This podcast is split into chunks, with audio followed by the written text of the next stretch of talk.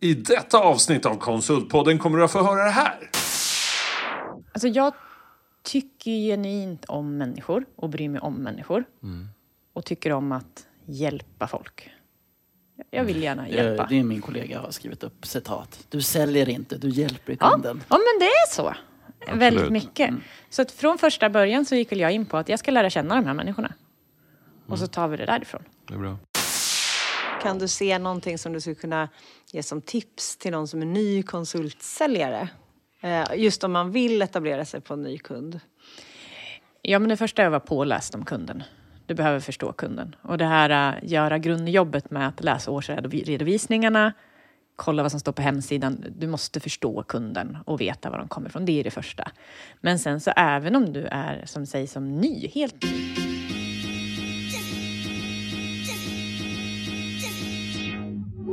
Konsultpodden, den största podden för dig i konsultbranschen. Med mig, Helena Torhage, Håkan Mild Svensson och Mattias Loxi. Bakom podden står Berotech och Synode. Ja, Konsultpodden, vi är tillbaka. Ja, fantastiskt. Håkan, Helena, hur känns det? Men det är ju alltid jätteroligt. Jag tycker det är roligt med gästen vi har med oss idag som du kommer få berätta mer om strax. Ja. Och temat gillar ju vi. Temat gillar vi. Ja. Vi har åkt skidor. Du är solbränd. Ja. Ja. Tänk att synd att det är podd alltså. Ja, du, du, Ja, pass, du har ju mer än ett radioutseende faktiskt. Jag tänker att du borde ju vara med på film nu. Ja, ja fantastiskt. Ja, Man får kolla trailern extra noga. ja eller hur? Eller hur? Innan den försvinner. Ja. Vad har ni gjort då? Har ni gjort något kul på sistone? Inga skidor. Det största som har hänt i mitt liv är att vi tydligen har lovat våra barn att vi ska skaffa hund. Jag Oj. är livrädd. Oj. Det var ett stort beslut. Det har gått från kaniner i bur Ja, utomhus exakt. till Och det hund har ju lite med de här i sängen kaninerna att göra. Är du en Ja. liten valp eller? Har ni redan? Ja, nej, vi har inte kommit så jättelångt i den här processen. Puh. Men eh, det pratar vi ganska mycket om hemma. Oj, oj, oj. Den får vi följa.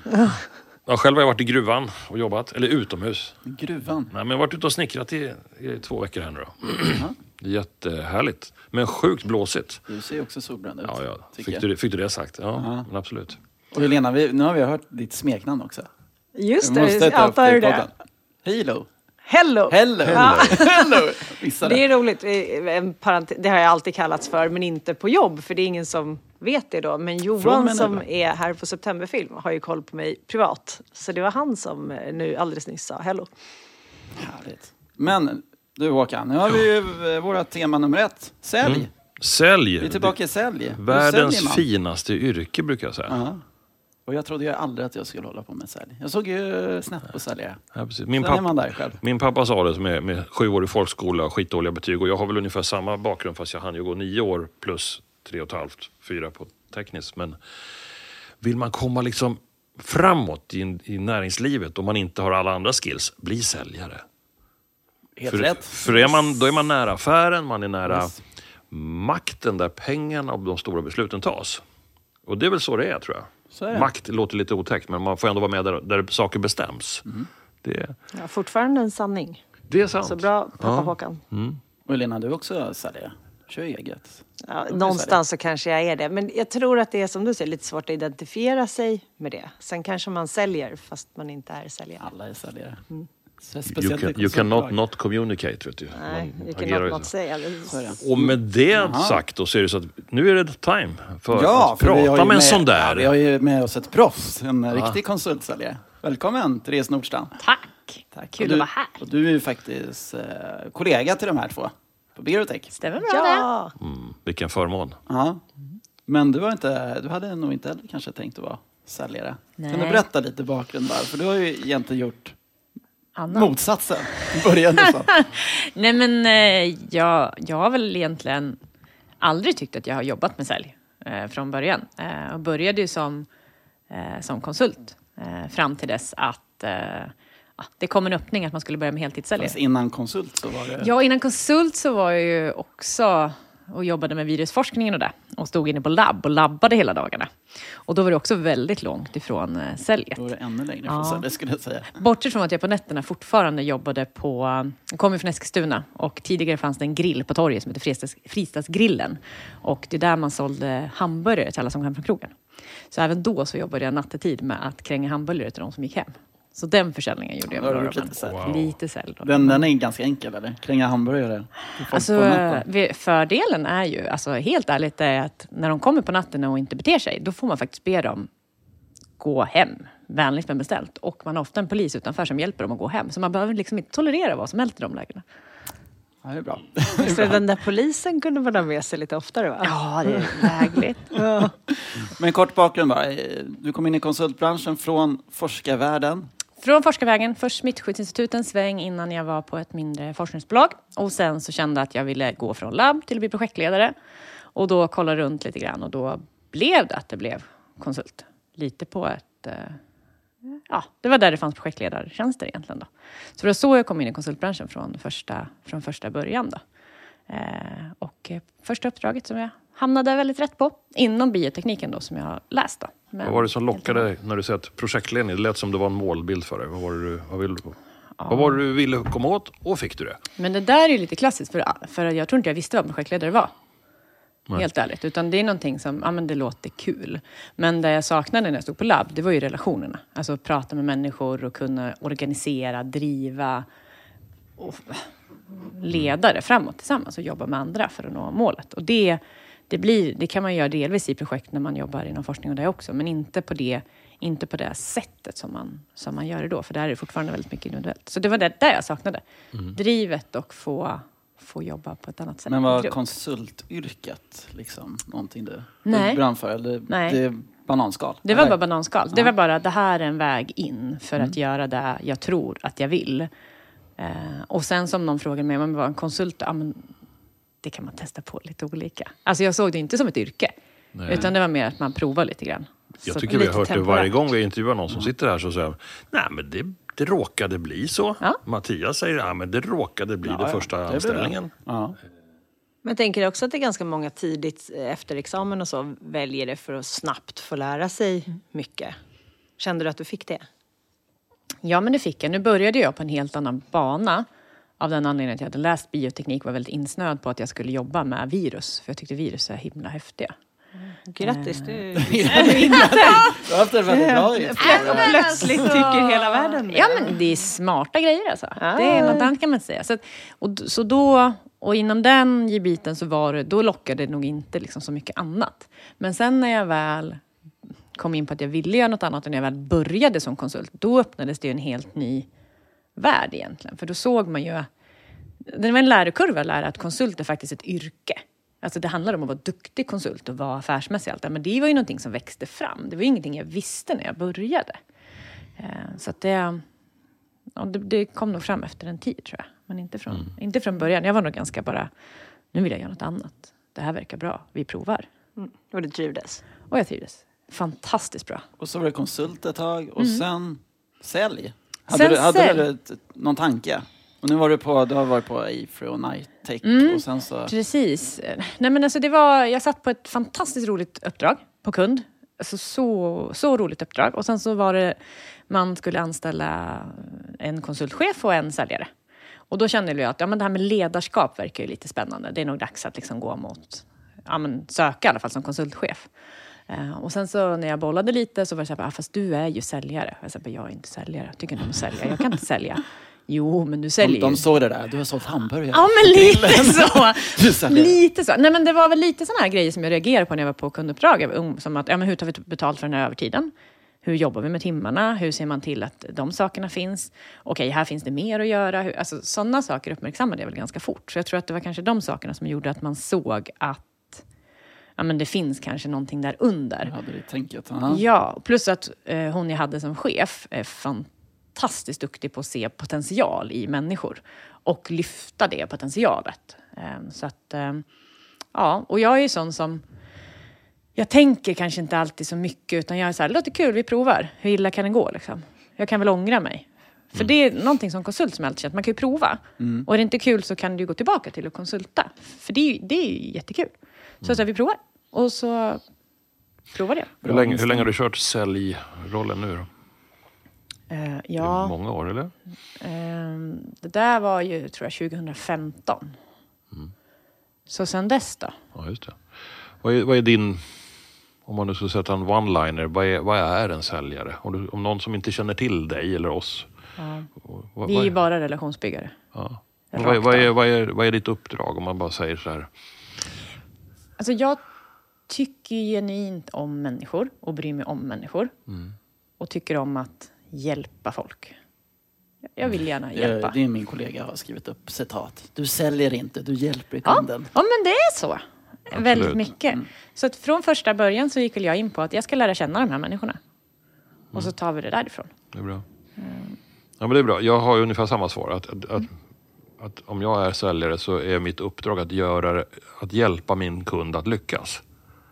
För vi har en egen bild oftast av en säljare är lite för pushig. Ska nå upp till sina egna mål eller till sin chefs mål. Och det där utsöndrar ju någon form av lukt. Eller doft kanske man ska säga, som inte är så god.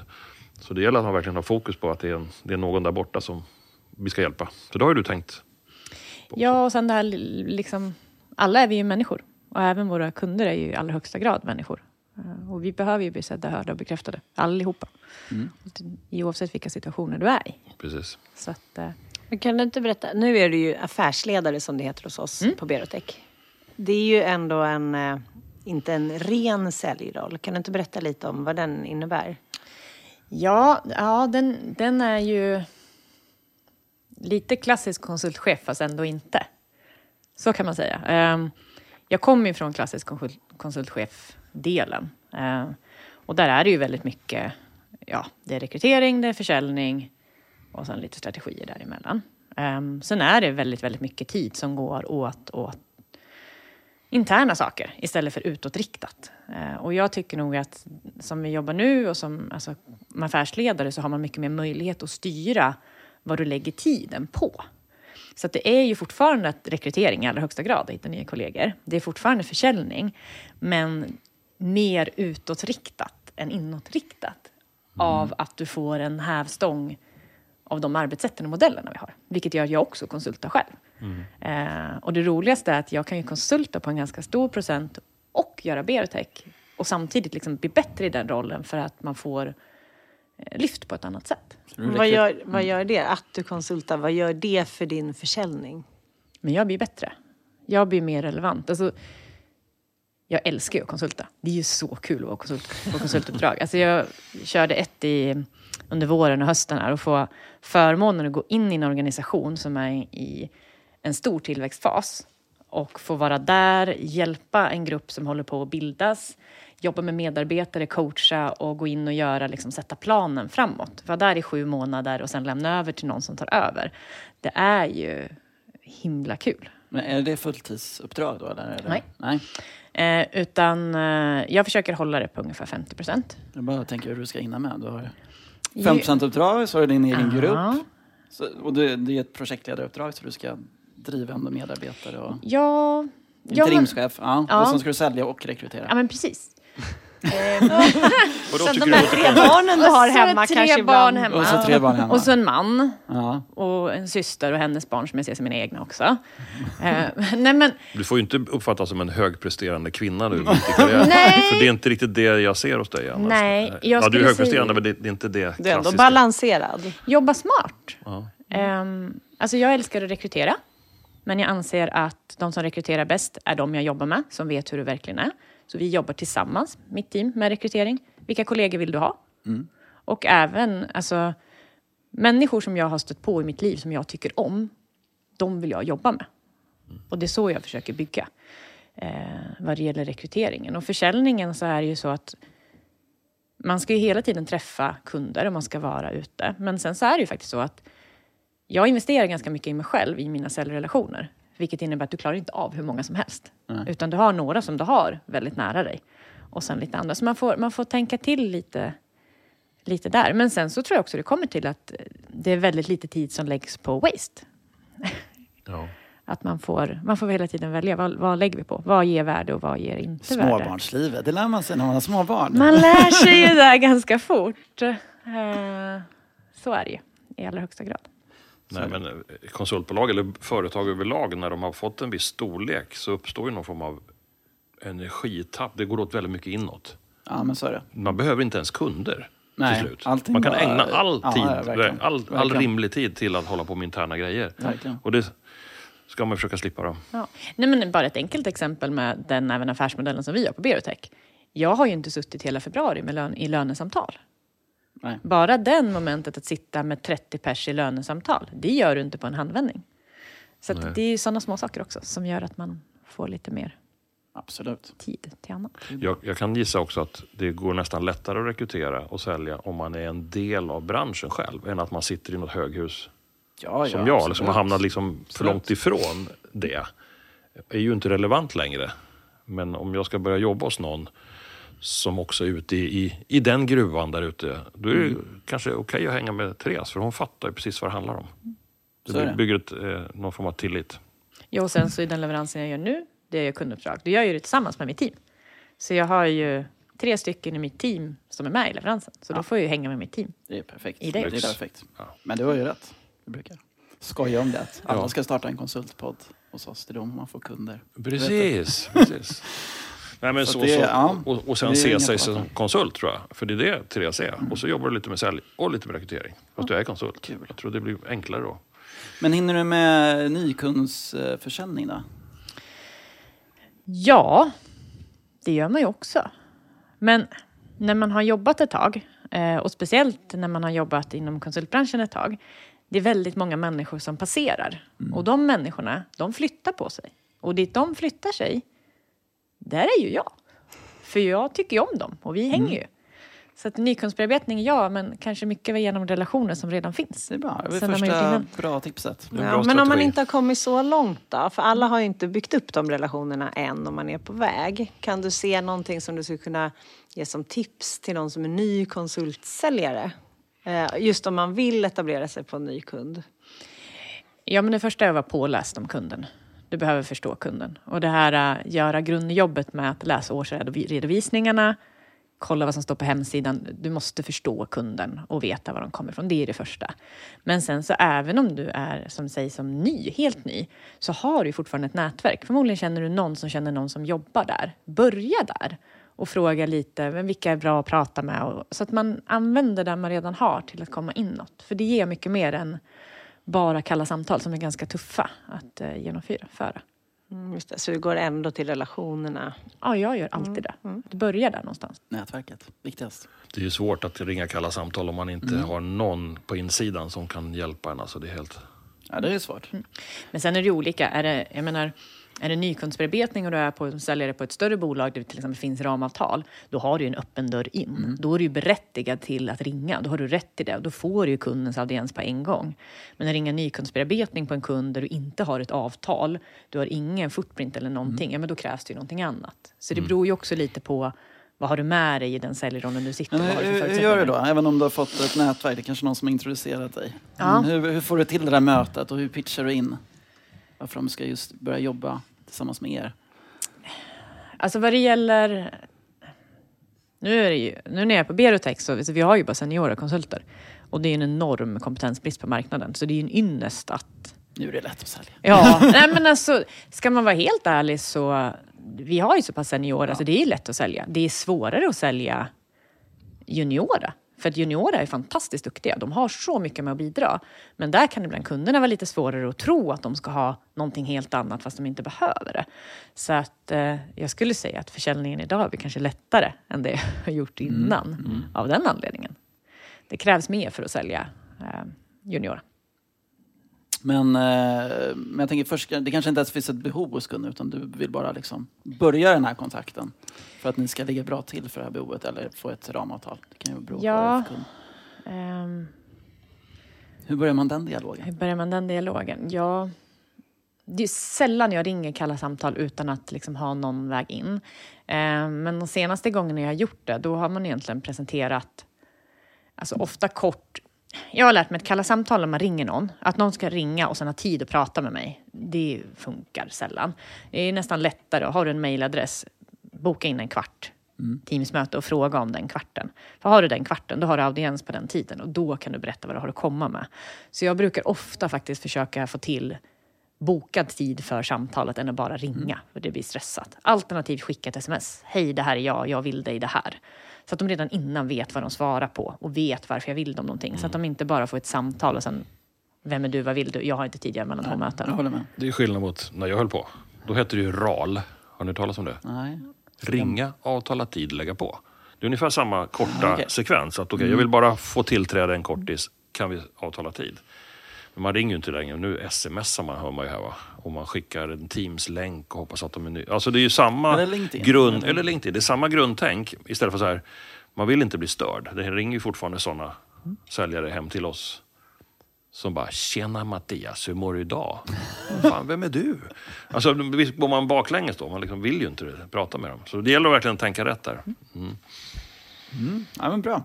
Jag, jag funderar på, det är inte riktigt försäljning, men dina konsulter och du, du nämnde att ni ändå gör uppdrag som tillsammans. Har du någon annan strategi för att ni ska utvecklas ihop så att du inte blir liksom chef utan att ni gör det tillsammans i teamet? Eh, Ja, men eh, om man tar det teamet som jag har nu, då är det ju där är fokus var att vi ska vara ett team inom kvalitet inom life science. Så den är väldigt riktad och väldigt eh, styrd. Och sen så någon, en och annan god människa som faller med där också kan det bli. Men alltså, då är det ju att de som är i teamet vill ju åt samma håll. Men det är väldigt mycket att prata vart vill ni och hur gör vi det tillsammans? Um, vi pratar mycket konsultmässighet, men vi pratar också mycket i synligheten och på vilket sätt vi vill göra det. Men det är hela tiden lite utefter vad de vill också och hur de vill utvecklas. Och så försöker vi göra det på vägen utefter man ser Kan ni också berätta det för kunderna? Alltså jag har ett gäng otroligt kompetenta personer här. De vill hitåt på ert bolag. Ehm, och hur tas det emot bra? Att vara öppen så? Ja, men det, går, det tycker jag det går alltid bra. Och det gör det i stort sett ofta med alltså juniora som seniora. Har man en riktning och man är öppen med den med kunden, då har du ju fortfarande en leverans som ska göra. Men kunderna idag är ju väldigt måna om att konsulterna ska trivas. Eh, Så att jag skulle säga att de, fl- de flesta kunder är bra konsultköpare, så man har ju en enormt utvecklingspotential. Alltså jag brukar säga till konsulterna, personalomsättningen är ju lite av ett problem. Så, det är hög personalomsättning. Och jag var väl en viss period, jag var jäkligt trött på den här personalomsättningen. Och främst var det bland de yngre konsulterna. Så jag satt på en intervju med en person som intervjuade, som hade så här stora planer. Jag vill det här, jag vill det här. Nyexad. Och då vet jag att det är jättesvårt att sälja ut nyexade på de här små bolagen och startups och sånt där. Det blir ofta att du börjar hos någon av de stora kunderna och kan göra jättehäftiga saker, men det kanske inte var lite attraktivt. Så det slutade med att jag sa på intervjun att Kommer du hit så kommer du få ett, du kommer få ett uppdrag som du kommer börja på och där kommer du kunna lära dig saker. Det kommer inte vara det häftigaste uppdraget. Du kommer inte få göra de roligaste sakerna. Inte när du börjar. Du kan nog räkna med att de första två åren blir att göra och hitta din baskompetens och sen kan vi börja prata annat. Och sen berättade jag det där för en av mina gruppchefer som skulle anställa och sa att alltså, vi kommer tappa den här individen. Jag bara, ja, men, men då tappar vi i alla fall av rätt förutsättningar för då vet de ju vad det innebär. Men, eh, nej, men han signade på, han var nöjd med det. Han har inte klagat sen heller. Nej. Han Mycket gjorde, bättre, ja, men bättre. han gjorde ju Ja, men sina du år. var ju liksom. ärlig. Ja. Ja, men han fick ju också utvecklingsresan ändå hos kunderna. För att kunderna är så pass bra. Så han fick ju utvecklingen, bara att han visste vad det var han började med. Så att, Jag tror det där är jättebra. Det är ungefär som ut, utveckla eh, relationer med barn. Nu ska man inte jämföra konsulter med barn, men någonstans att, det, att, att om man inte vågar ställa krav eller vara tydlig, då får man ju äta det rätt länge sen. Så att, jag menar, att, att, att våga ställa krav på nyrekryteringar, att det här förväntar vi oss och det kommer ta tid, men vi tror på dig. Då kommer det hända bra grejer. Du, jag tänker, du har varit säljare då kanske sju år. Eh, om du blickar tillbaka och jämför med hur det var då och nu, ser du några skillnader i branschen eller i, framförallt i ditt arbetssätt? Har, har, har, det drivit i någon riktning? ja, men när jag började, då var det ju väldigt mycket att... Då ringde man ju väldigt mycket kalla samtal i början för att få en fot in och för att skapa relationer. Jag kom ju från att aldrig ha...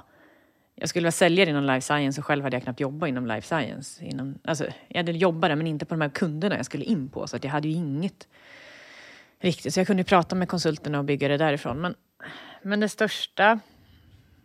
Men den största skillnaden är väl egentligen, dels är det ju en enorm kompetensbrist samtidigt som det finns väldigt, väldigt mycket bolag på marknaden som finns där.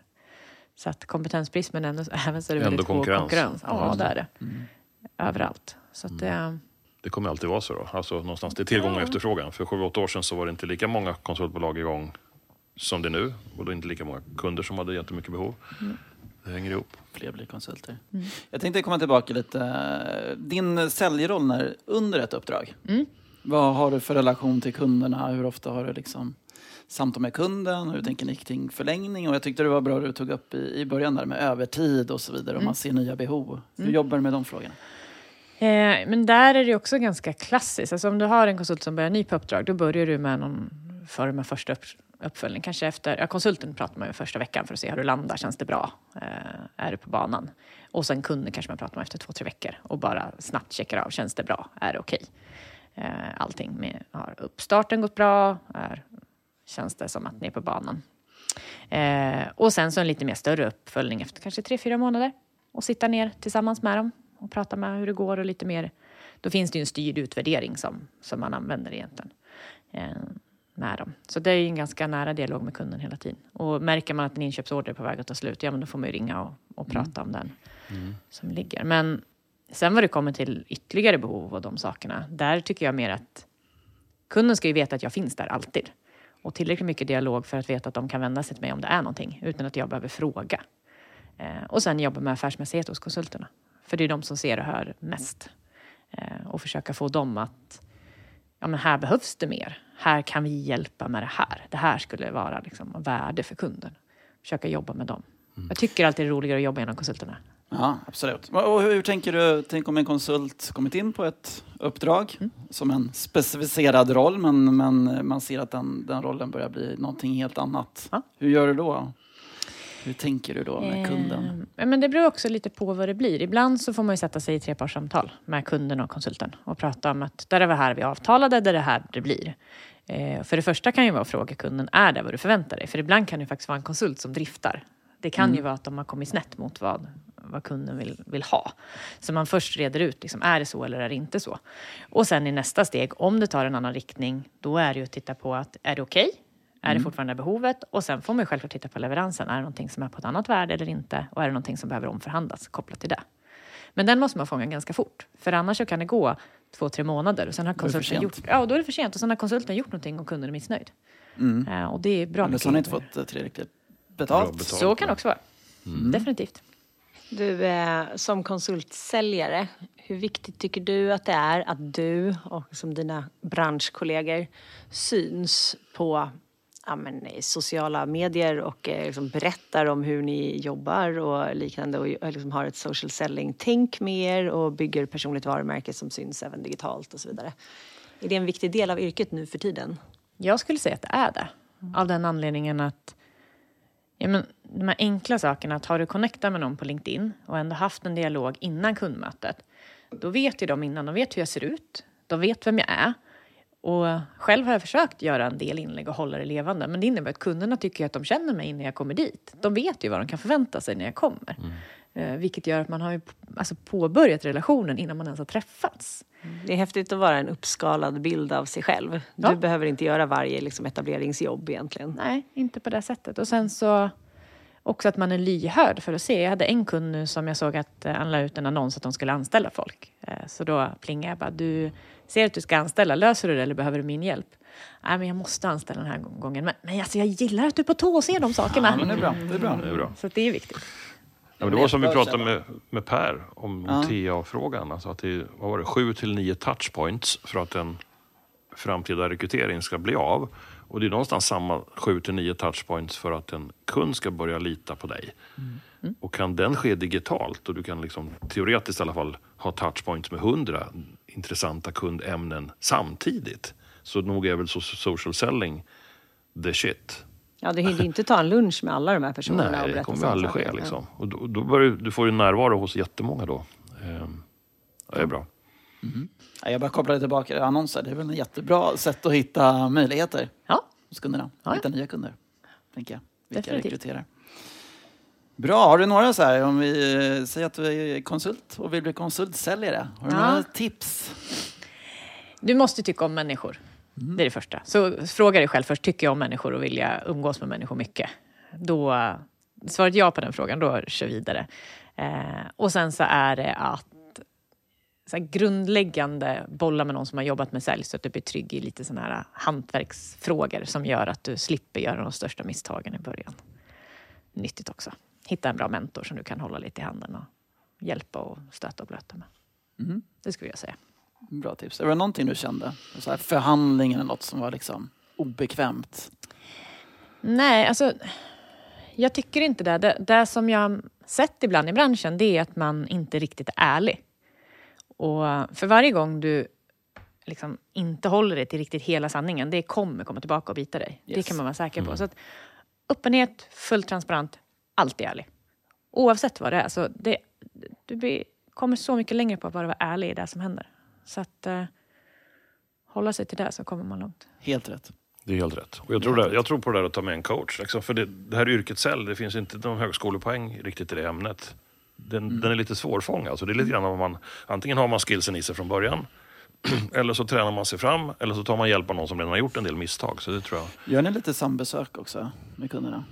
Försöker göra det. Mm. Jag tror det är jättelärorikt. Bara se hur det någon annan gör. Och ge tips Just speciellt mellan olika feedback. kompetenser. För att vi hör olika saker. Dels kompetensmässigt men också beroende på vad vi lyssnar på. För vi har tränade öron men vi hör olika saker. Så att eh, man tjänar väldigt mycket på att vara två och försöka hjälpas åt i många lägen. Är bra. Intressant, Therese. Du kommer komma tillbaka i ett ämne nu som heter konsultresan som vi försöker köra den här säsongen. Nu är vi tillbaka. Konsultresan. Konsultresan. Tillbaka i Konsultpodden. Eh, och den handlar ju då om, eh, i det här fallet har jag förmånen att få prata med Veronica Bakulina som eh, aldrig har varit konsult förut. Hon, hon bestämde sig. Hennes man har, är konsult och det har lockat henne att också bli det. Och då så ska vi få följa henne lite grann på hennes resa från att på något sätt kliva av det traditionella, något mer trygga anställning på ett industriföretag i Finspång det fantastiska företaget Siemens. eh, Där hon stod och funderade på, ska jag fortsätta här eller ska jag gå in på generatorsidan? Hon är ingenjör, liksom, kan jag liksom nörda ner bland elektroner och, och kopparlinjer eller vad det nu är som sitter i en generator. Äh, så tog hon steget att bli konsult. Och hon har, jag har fått följa med henne nu då, i alla fall på Zoom, för henne, inför hennes första kundbesök. Så att vi ska lyssna på Spännande. hennes eh, reflektioner där. Veronica, om du skulle ge mig tre tips. Vi säger så här, du ska ge mig tips på hur Håkan, du ska åka på kundbesök på Saab. Vad ska du tänka på? Vad ska jag tänka på då, Veronica? Uh, tveka inte. Uh, säg inte att du kan inte göra något, att du är lätt att lära dig. Ja. Och, eh, eh, men ja, det är för, först och främst i den delen att först och främst det är bra att ha eh, ganska bra uppdragsbeskrivning för att kunna tänka igenom vad du kan eh, erbjuda från din eh, sida till kund.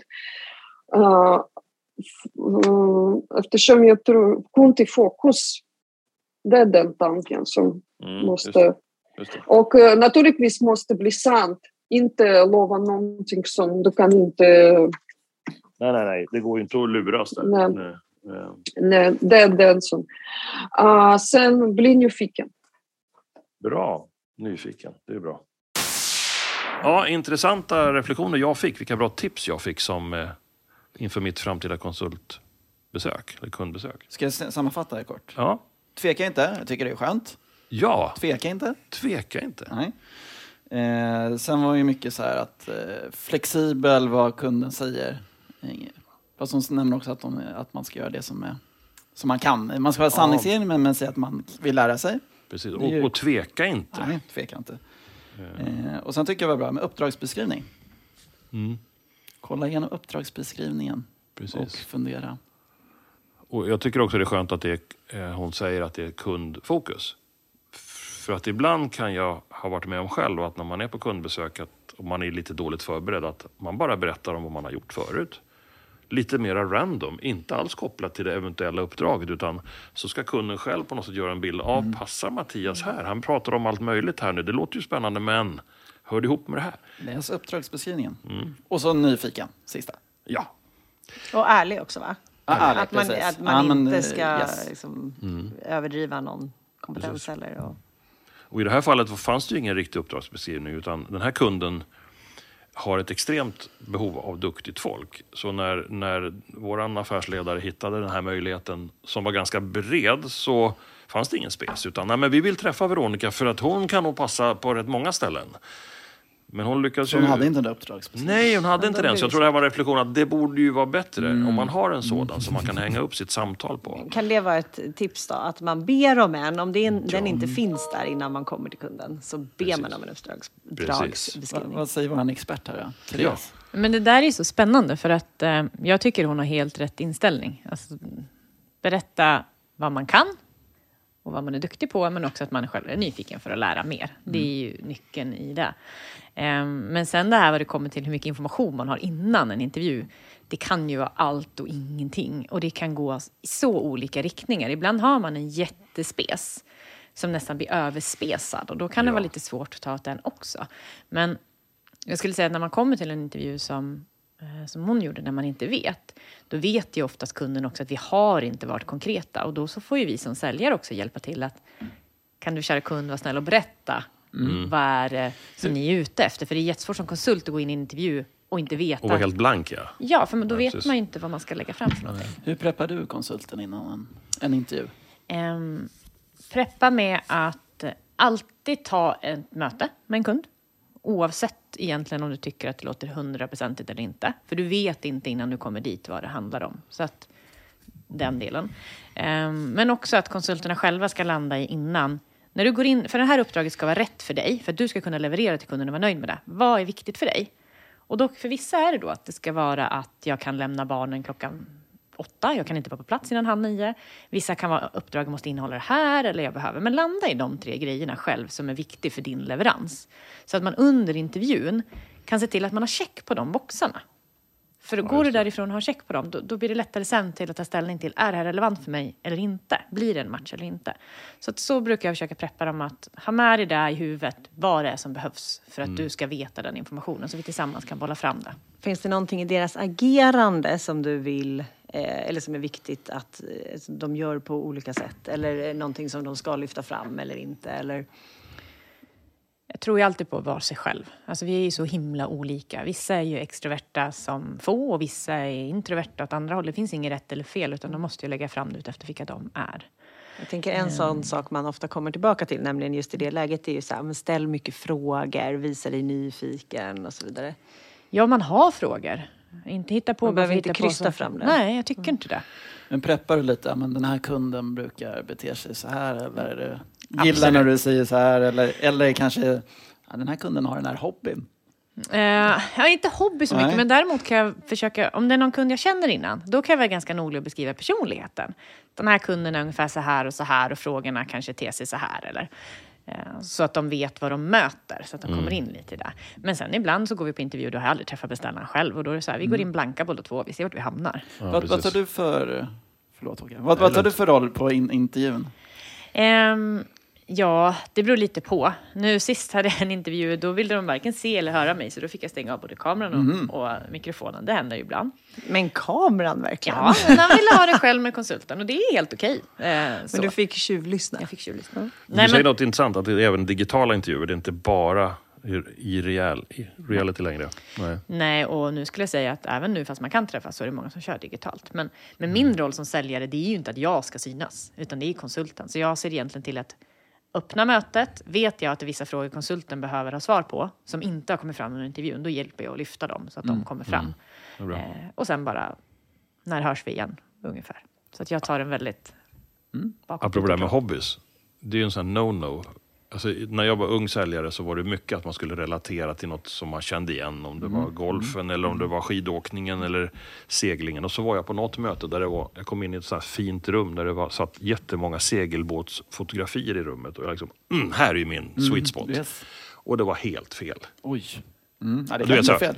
Nu ska vi inte prata om det där och det är inte ens min båt. Liksom. Det var här tvärnobb. Så, så man får nog vara lite försiktig på hobby. får man vara. Men annars är det ju ett, ett sätt att liksom bryta isen. Precis. Man går till kaffebryggaren och så hittar någon Men gemensam nämnare. Visst är det härligt att höra Veronica som liksom kom från ett annat land, i industrin och nu blir konsult och har landat sitt första uppdrag. Riktigt snyggt. Det är jättekul. Och tack för bra tips. Therese och ni andra. Den här resan tar inte slut nu, den fortsätter ju. Nu ska hon då från att ha fått orden så får man vänta in den här SUA-godkännandet, för det här är en kund inom militära sidan och då dröjer det ett tag innan Säpo hinner godkänna personen i fråga. Då finns det liksom en ställtid, vad gör man med den? Och hur introduceras man sen när man väl kommer till uppdrag? Och det ska vi prata om nästa gång. Preboarding på konsultuppdrag. Ja. Det borde användas betydligt mer. Det har vi Absolut. Mm. också. Så tack för lilla konsultresan den här gången. Härligt! Tack. Ska vi sammanfatta? Har vi några briljanta insikter? Håkan? Mm, ja, jag, alltså, jag älskar ju säljet. Jag tycker Therese visar på med hull och hår, eh, engagemang och det här med ärlighet och drivet. Som, men ändå med någon form av ödmjukhet att du vill jobba genom konsulterna så mycket det är möjligt så att de vet att du finns och vill kunden köpa mer. Då kan de ringa mig. Jag tycker det är lite en cool attityd än att liksom ha det här överdrivet framåtlutade. För det, det som jag sa, det doftar inte gott. Och då har du hittat en bra form för det. Det tar jag med mig. Ja, jag skulle köpa från dig. ja, det låter bra det. Nej, men jag gillar det. Absolut, jag håller med. Mm. Den här, eh, det känns som du, du, du vill hjälpa kunden och ärlighet. Och då, då känner man ju sig trygg. Snabbt eh, tillit. Jag tror är din, din, din eh, stjärnstatus där. Att du får tillit med kunden snabbt. Och Ja, med konsulten. Och sen det som jag tycker att du berättade om ganska mycket i början, hur viktiga relationerna är. Och även om man inte har några så kan man börja bygga dem och man kan hitta något litet, eh, någon garnände och börja nysta i den. Och så kommer man till slut känna fler personer och eh, är man en härlig person som du ju är, som vill väldigt väl, så kommer det landa i liksom, goda relationer. Och det är så skönt att är man då är, vilket med ett ärligt uppsåt så kommer man ju behålla den här relationen när de då byter roller, flyttar inom hela världsklotet. Så helt plötsligt har man vänner för livet liksom. Så att det, det var någon Det som blir bättre ju längre man jobbar kan man känna också. så så himla många positiva sidor med att vara på andra sidan 40. Ja, Om man jobbar ett tag. Så är det. Där kom den. Skickar vi den tillbaka. Ja. Therese då, har du något? Eh, nej men det är jättekul att vara här. Eh, och sen tyckte jag det var väldigt kul att lyssna också på någon som faktiskt går ut på intervju första gången som konsult. Eh, Ja. För det är ändå viktigt som säljare att veta vad konsulterna behöver av mig. Och det där är ju faktiskt feedback rakt av. Som Eller är hur? jättelärofull. Och alltid ta med sig och jobba på. Ja, som jag sa förra gången, jag har ju sladdat in på parkeringen fem minuter innan och möter en konsult. Liksom, och så, ah, men nu ska vi in på möte. Ingen plan gjord. Och du har inte ens träffat konsulten innan? Nej. Och, och, och är väldigt Och du hade inte bondis med, med... Jag hade inte tid, jag var Har slarvig. Hur, hur funkar ens något då? Nej, och i- ibland var det inte ens så att den här konsulten var anställd förrän att affären var klar. Ja, just det. Det är också sjukt dåligt. Liksom. Det, det var inte några långa relationer där. Nej, Så det, livet har bort. blivit bättre för konsulter och för säljare. Mm. Och för kunder framför allt. Definitivt. Bra! Jag tror att vi avslutar så. Stort Ja. tack! Tack för att jag var här. Tack mycket. Bra jobbat! Tack Mattias och Håkan! Tack! Tack! Du har just lyssnat på Konsultpodden nummer 63. Idag gästade Therese Nordstrand som är affärsledare på Berotech, det vill säga kollega med mig, Helena Torhage och Håkan Mild Svensson. Även Mattias Loxi har som alltid varit poddvärd och vi har spelat in på Septemberfilm